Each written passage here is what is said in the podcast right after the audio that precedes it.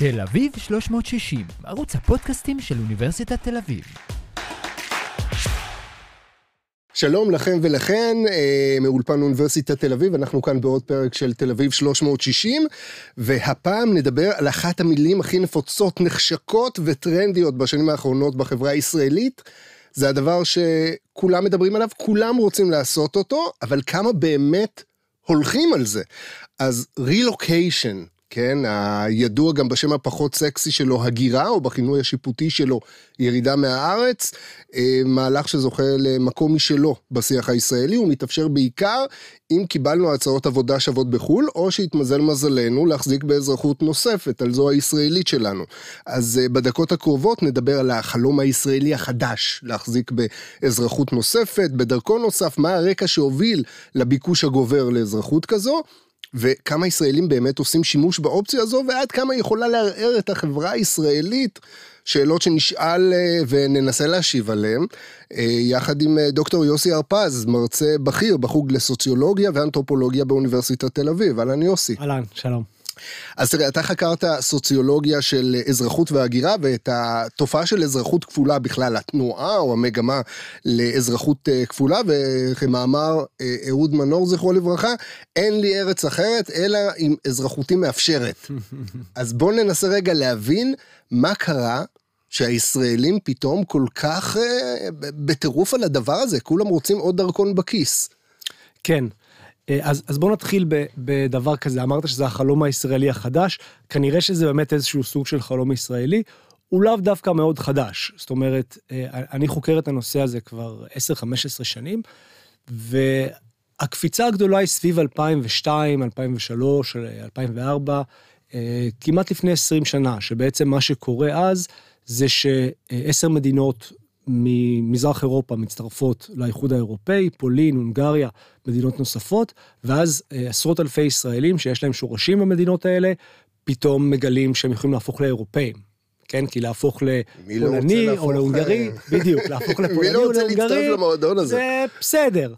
צריך איזה סיבה טובה, אבל כשפתאום האזרחות הזאת הופכת להיות אזרחות אירופאית, זה הופך להיות משהו מאוד אטרקטיבי, ואז אנחנו רואים באותו זמן גם אנשים מתעניינים באזרחות גרמנית, שהייתה סוג של טאבו, ו-2015, ואז מתחיל בעצם הכדור שלג הזה, ו-2015 בעצם נוסף לנו עוד, עוד משהו מאוד מאוד גדול, הדרכון הספרדי והפורטוגזי, שדרכ... שספרד ופורטוגל מציעות אזרחות, ושוב, היא אטרקטיבית בגלל שזה אזרחות אירופאית, ואז מי שיכול להוציא אזרחות זה גם לא רק צאצאי, זה לא רק האשכנזים, צאצאי מדינות מרכז ומזרח אירופה, אלא גם בעצם כמעט כל ישראלי, בטח כל ישראלי ממוצא ספרדי, אה, יכול להוציא את האזרחות הזאת. אז אנחנו רואים איך לאט לאט יותר ויותר אנשים יכולים להוציא את, ה, את הדרכונים האלה. אז בעצם, אם דיברנו עד אה, לפני 20 שנה, שבוא נגיד, אולי הדרכון הכי מבוקש אולי, היה דרכון אולי אמריקני, כן, או אזרחות אמריקנית, כי מי לא רוצה לעשות את זה בגדול באמריקה, בארצות הברית, אז פתאום בעצם השינוי, ב, נקרא לזה אה, הפוליטי או המדיני ב, ב, ב, באירופה, במדינות אירופה שאיחדה את המדינות האלה לגוש, פתאום עוררה עניין מיוחד פתאום בכל מיני צאצאים להונגרים, בולגרים, פולנים, שפתאום מבינים ש... בוא נגיד, יש להם אולי דרכון, אה, זכאות לדרכון רומני, שעד עכשיו אולי נתן להם איזה זכות ברומניה, שאין כל כך מה לעשות איתה, אבל פתאום הם גם יכולים להיכנס איתו לגרמניה, או לצרפת, או לאזורים אה, קצת אה, יותר נחשקים ונחשבים בגוש הזה. כן, תראה, אם נסתכל על זה בצורה מאוד מפוקחת, אפילו צינית, אפשר להגיד שזה היה, היה בזה משהו אופורטוניסטי. למה? כי הדרכון האירופאי הוא, הוא אטרקטיבי כי הוא אפשרי. אה, הרבה ישראלים, זאת אומרת, ישראלים שמהגרים בדרך כלל יהגרו הברית, אולי לקנדה, אולי לאוסטרליה. ומה שמצאתי במחקרים שלי זה שעשרות אלפי ישראלים מוצאים את הדרכון האירופאי, אבל לאו דווקא מהגרים לאירופה. נכון, היו כאלה שעברו לברלין, אה, מכל מיני סיבות, ו, אה, ויש כמובן ישראלים שקונים בתים בפורטוגל, אבל, אבל אנשים הוציאו את האזרחות האירופאית הזאת, קודם כל, כי אפשר. לא בגלל שזה היה דווקא חלום, כמו שיש הרבה אנשים שרוצים להגר לארה"ב, וזה חלום של טה-טה-טה, אלא משהו שהוא באמת אה, אפשרי, לא מסובך מדי, לא קשה מדי, אה, ואפילו הייתי אומר שנוצרה איזו דינמיקה של תחרות סטטוס בחברה הישראלית, שאם זה מתחיל בזה ש... אה, בוא נגיד לפני 30 שנה, אם היה לך זה היה מוזר, לפני 20 שנה זה היה משהו אוונגרדי וסמל סטטוס, היום זה כבר כמעט... זה כמעט סטנדרט כבר. בדיוק. אוקיי, אז בעצם אנחנו מדברים על זה שזה לא חייב להיות בהכרח איזשהו חלק מתוכנית מובנית אה, לעשות בזה שימוש, אנשים רובם אה, מתארגנים במרכאות על אה, דרכון זר, כן, על אזרחות נוספת, כדי שיהיה, כי לך תדע ואולי יש, לא יודע, כל מיני יתרונות אחרים במהלך הזה. עכשיו, בואו נדבר שנייה קודם כל על ה... ההשלכות של הדבר הזה אה, על החברה הישראלית. אה, בוא, בוא, אתה יודע מה, בוא נתייחס קודם כל אפילו ל... אנחנו אומה די צעירה, כן? החברה הישראלית היא די צעירה, וההורים שלנו, הם באים מתקופה קצת אחרת, אני בן 40 לצורך העניין. אז בוא נגיד, ההורים שלי יודעים וחיו בתקופה שבה מדינת ישראל לא הייתה עובדה מוגמרת, כי היא לא הייתה קיימת. היא פתאום קמה, וכולם צריכים להגיד תודה שהם כאן. כך שפתאום אה, המחשבה, אפילו ברמת ההחזקת אזרחות נוספת, גם אם אין לך איזושהי כוונה פרקטית לעשות עם זה משהו, נורא צורמת, נקרא לזה קבוצות גיל מסוימות. מהמחקר שאתה עשית, זה משהו שנראה, זה, זה משהו שבאמת יש לו אחיזה במציאות? כן, אז, אז א', נכון מאוד. זאת אומרת, עצם הרעיון הזה שפתאום בן אדם יכול להחזיק ביותר מאזרחות אחת, שאולי הנאמנות שלו היא מפוצלת בין שתי מדינות, אולי הזהות שלו מפוצלת בין שתי מדינות, זה משהו ש... אינסטינקטיבית הוא, הוא, הוא מעורר איזשהו רתיעה או איזשהו ספק, בטח כשאנחנו מדברים באמת על דורות יותר, אה, אה, יותר קודמים. האמת שמצאתי משהו מאוד מעניין במחקר שלי שקורה בישראל מהבחינה הזאת, וזה ממש פער בין דורות. אה, כשהתחלתי לחקור את זה, מצאתי שבני דור ה... מה שנקרא דור ההורים, כשהתחלתי לחקור את זה, זה מה שנקרא דור שני, אה, ילידי שנות ה-50 וה-40, 50 וה-60, היה להם קשה עם, ה, עם הביקוש, עם, ה, עם ההוצאת אזרחות. כמו שאמרת, הם באמת זוכרים, יכול להיות שהם נולדו בארץ, אבל משפחות שהגיעו אה, מאירופה, שוב, אני מדבר בעיקר על הדרכון אה, של מרכז ומזרח אירופה, יכול להיות שהם בעצמם נולדו בפולין או ברומניה או בגרמניה והגיעו. וה... הישראליות היא לא משהו שמובן מאלה, מאליו ביניהם, זה משהו שהוא שברירי, ולכן באמת יש איזו רתיעה. אה, מי שבדרך כלל מבקש את הדרכון, מי שבדרך כלל יוזם את הפנייה להוצאת אזרחות אה, שנייה, זה הדור הצעיר. הדור הצעיר גם תופס את זה כמשהו יותר פרקטי, שאומר, אוקיי, אני אוציא את האזרחות הזאת ואני אוכל ללכת ללמוד אה, בגרמניה, אני אוכל לחיות בפורטוגל, אני אוכל להסתובב בעולם. וגם תופס את האזרחות כמשהו שהוא פחות כבד, או משהו שהוא פחות מחייב, בוא נגיד. אה, זאת אומרת, גם, גם במשפחות שהוציאו את האזרחות, בני הדור השני, בני החמישים והשישים והשבעים, מחזיקים אולי בדרכון, אבל לא משתמשים בו. הם תופסים את זה עדיין כמשהו שהוא מביך, או, או אה, לא תקין. לעומת זאת הצעירים, אפילו עושים, נהנים להשתמש בדרכונים האלה, אפילו משתמשים בתחרות סטטוס, כן, של, של איזה דרכון יש לי ואיך השתמשתי בו אה, וכך הלאה. זאת אומרת שיש כאלה שמחזיקים בו, בוא נגיד, אה, אה, אוכלוסיות מבוגרות יותר, ש, שמחזיקים בדרכון הזה ומרגישים אולי מעין יחסי, לא, לא יודע, אולי נקיפות מצפון או תחושות של בגידה בהחלט. מעצם זה שהם מחזיקים בדרכון כזה, לעומת אה, אוכלוסיות צעירות יותר שמתהדרות בזה, כן? יש לי דרכון אוסטרלי או דרכון כזה ואחר, אה, וזה כאילו באמת הפך להיות סוג של אה, גם סטנדרט, גם סמל סטטוס בחברה הישראלית. עכשיו, אני, אני רוצה לשאול אותך שאלה, קודם כל, שאלה כללית, אולי קצת בירוקרטית, יש איזושהי מגבלה על מספר האזרחויות שאדם יכול לשאת, או שאני יכול בהתאם לזכאות שלי. ל... תראה, הכל תלוי בחוקים של כל מדינה, אין איזה, אין איזה חוק אה, של האו"ם, כן, שמגביל את מספר האזרחויות שבאדם יכול להחזיק, הכל לפי החוקים של מדינות שונות. אה, בעצם מה שקורה זה שעד שנות ה-90 רוב המדינות לא מתירות אזרחות כפולה, מדינת ישראל כן מתירה, אבל רוב המדינות לא. משנות ה-90 עשרות מדינות משנות החוקים שלהם ומתירות אזרחות כפולה.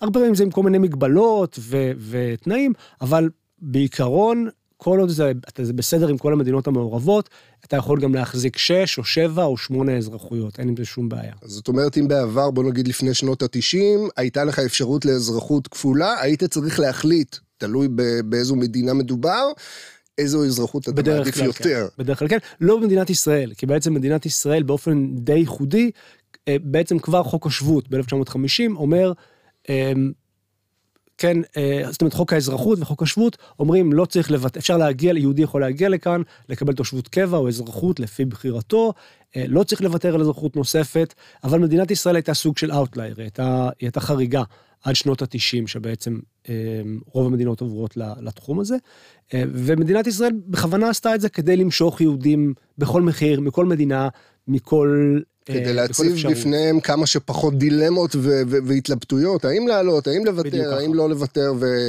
וכולי. עכשיו, השאלה היא כזו, בוא, בוא נגיד, האם יש איזושהי, איזשהו חשש אה, או לפחות משהו שמתבטא מספרית במחקרים, על, אנחנו מכירים את תופעת הגירת המוחות נניח, כן, או בריחת המוחות, אה, כשאנחנו מדברים בעיקר על חוקרים או אנשים מתחומי האקדמיה ורפואה והמקצועות האלה שעוזבים למדינות אחרות, לאו דווקא בפן של אזרחות כפולה, לפעמים באמת מוכנים לממן להם כל מיני פרויקטים ומחקרים ודברים מהסוג הזה, אבל האם אה, הדבר הזה לא פותח איזשהו פתח לבריחת, אה, אה, נקרא לזה, אה, אוכלוסיות מסוימות בחברה הישראלית, משהו שאולי עשוי לערער את המרקם החברתי כאן?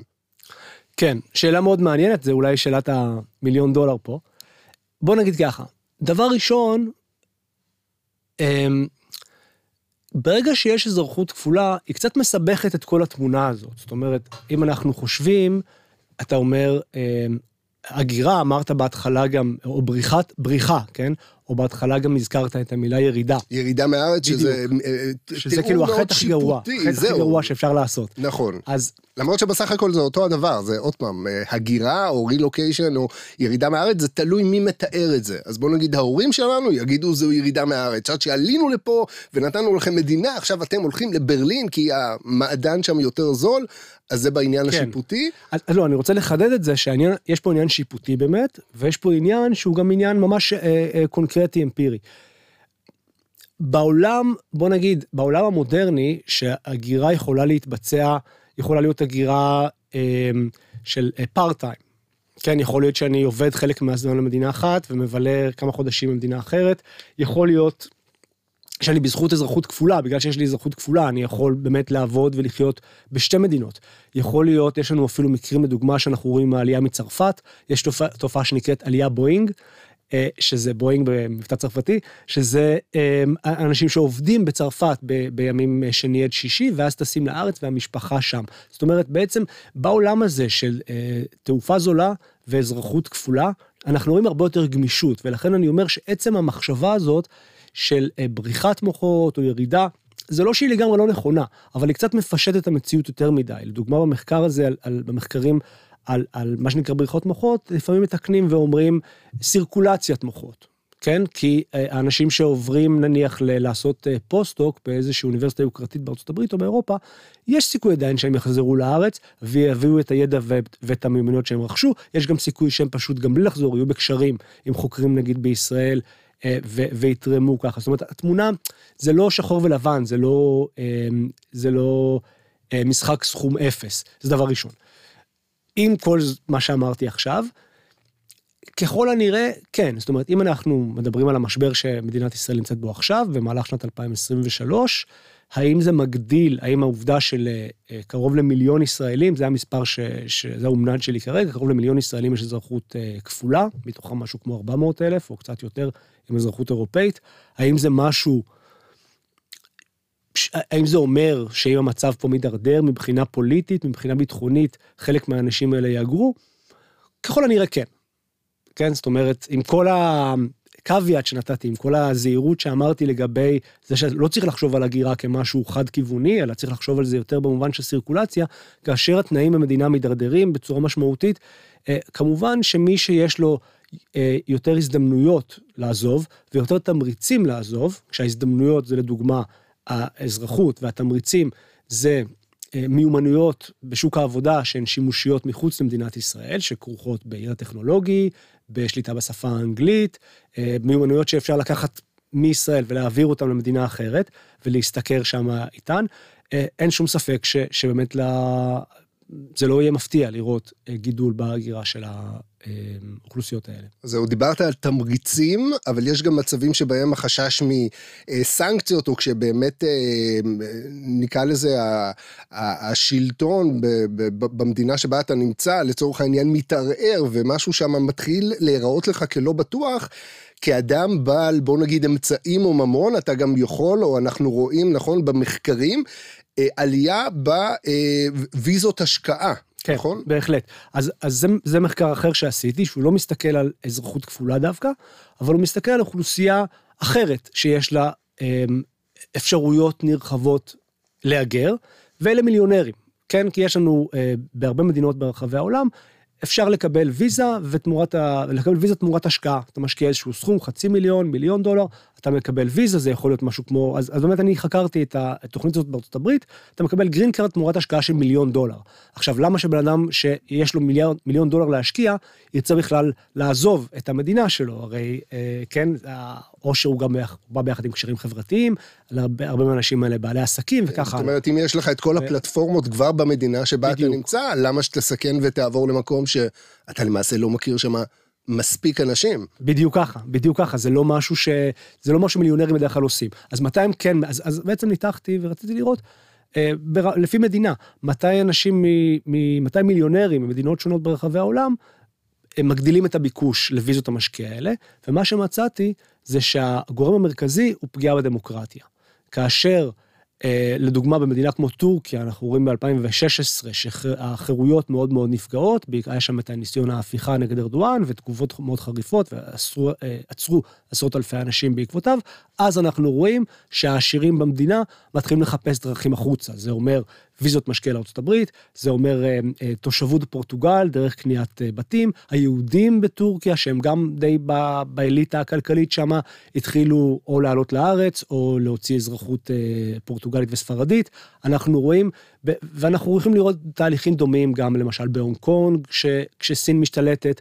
זאת אומרת, אנחנו רואים שהעשירים, כסוג של דוגמה לאנשים שיש להם יותר הזדמנויות תנועה מהאדם הרגיל, אנחנו רואים שהם רגישים גם לתנאים פוליטיים, רגישים גם לאיכות הדמוקרטיה ולאיכות החירויות, ומחפשים לברוח כשזה נפגע. אגב, אם מסתכלים על, אה, נקרא לזה התנהגות אוכלוסייה כברומטר, אנחנו יכולים לומר שכשהעשירים עושים את זה, זה אומר שהדבר הזה באמת קורה? זאת אומרת, הם, הם הראשונים להגיב לדבר הזה, או שהם בינתיים... יכול להיות שהם היו היחידים להגיב, שוב, בגלל שהעשירים יש להם יותר הזדמנויות uh, תנועה ויותר הזדמנויות מעבר מאשר אנשים אחרים, יכולים להמיר את הכסף שלהם לתנועה, יותר קל להם לקבל uh, ויזות, זאת אומרת, uh, רוב המדינות בעולם, uh, הדרכון הישראלי הוא דרכון יחסית חזק, הוא מאפשר לנו להיכנס למשל לאירופה בלי ויזה.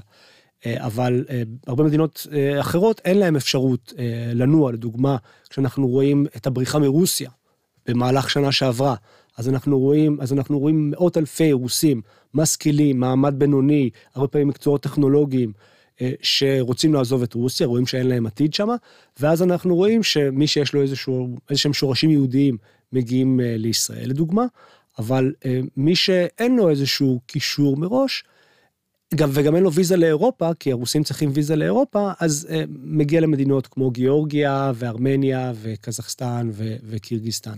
זאת אומרת, המקרה הרוסי, שוב, זה מקרה קיצוני, כי באמת אה, אה, פשוט מאות אלפים אמרו, אה, אנחנו חייבים לצאת מהמדינה הזאת, אבל זה שוב מראה לנו איך באמת יש אוכלוסיות עם, עם יותר הזדמנויות כן. אה, יציאה, ובמקרה הישראלי הדרכון האירופאי הוא בוודאי נותן יותר הזדמנויות נסיעה, אבל גם כן, גם עבודה במקצועות ההייטק, גם ידע בשפה האנגלית, יש עוד הרבה דברים שאנחנו לחשוב עליהם.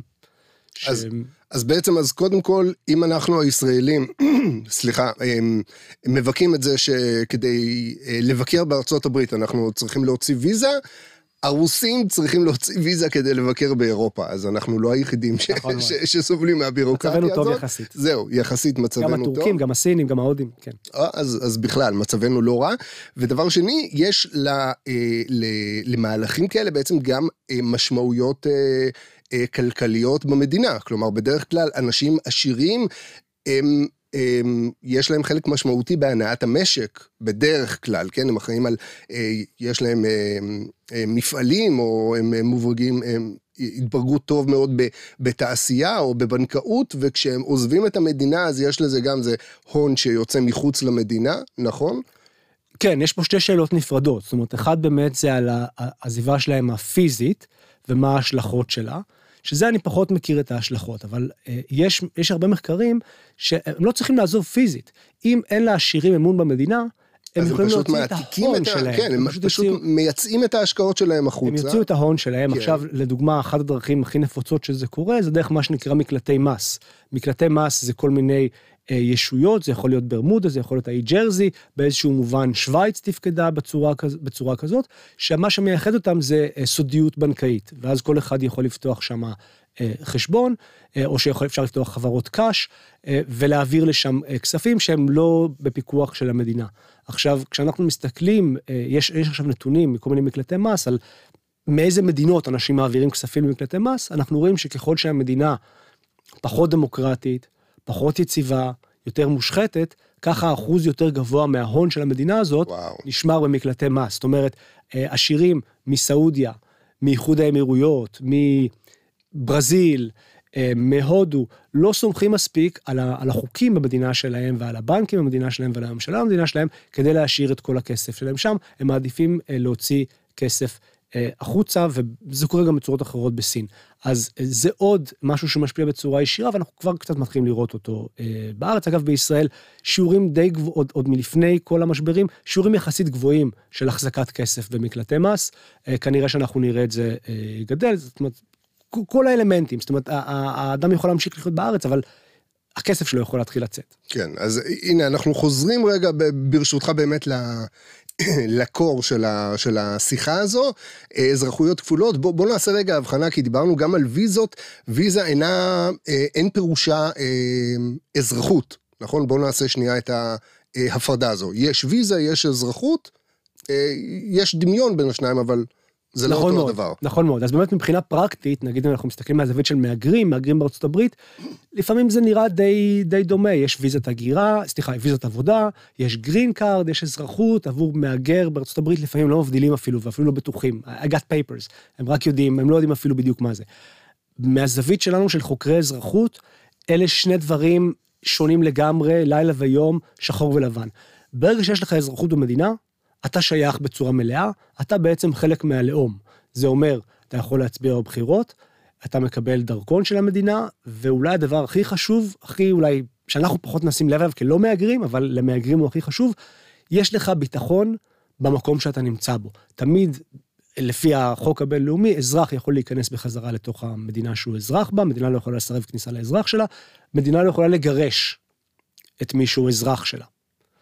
לעומת זאת, כל עוד אני נמצא באיזשהו סטטוס שהוא לא אזרחות, אני לא חלק מהלאום והמעמד שלי לא קבוע. זאת אומרת שגם מהגר בארצות הברית שיש לו, יש לה אה, מהגרת שיש לה גרין קארד והיא חיה בארצות הברית 30 שנה והמשפחה שלה שם ויש לה נכסים שם וכך הלאה, אה, היא יכולה לעשות איזושהי עבירה, לאבד את הגרין קארד ולהיות מגורשת וזהו והכל אה, נמחק. זאת אומרת יש הפרדה מאוד מאוד מאוד גדולה. אזרחות היא מאוד מאוד אה, אפשר לקרוא לזה דביקה, sticky, בגלל שבמדינות דמוקרטיות, לפי הדין המקובל במדינות דמוקרטיות, קשה... once אתה אזרח? בדיוק. זה משהו שקשה מאוד מאוד אה, אה, לקחת לבן אדם, ולא היינו רוצים שזה יהיה משהו שקל לקחת. כאילו במחצית הראשונה של המאה ה-20, המשטר הנאצי, המשטר הקומוניסטי, גם אגב מדינות מערביות, השתמשו בזה בצורה מאוד מאוד אה, קלילה, שללו אה, אזרחות לאנשים, היום מדינות לא דמוקרטיות ממשיכות לעשות את זה,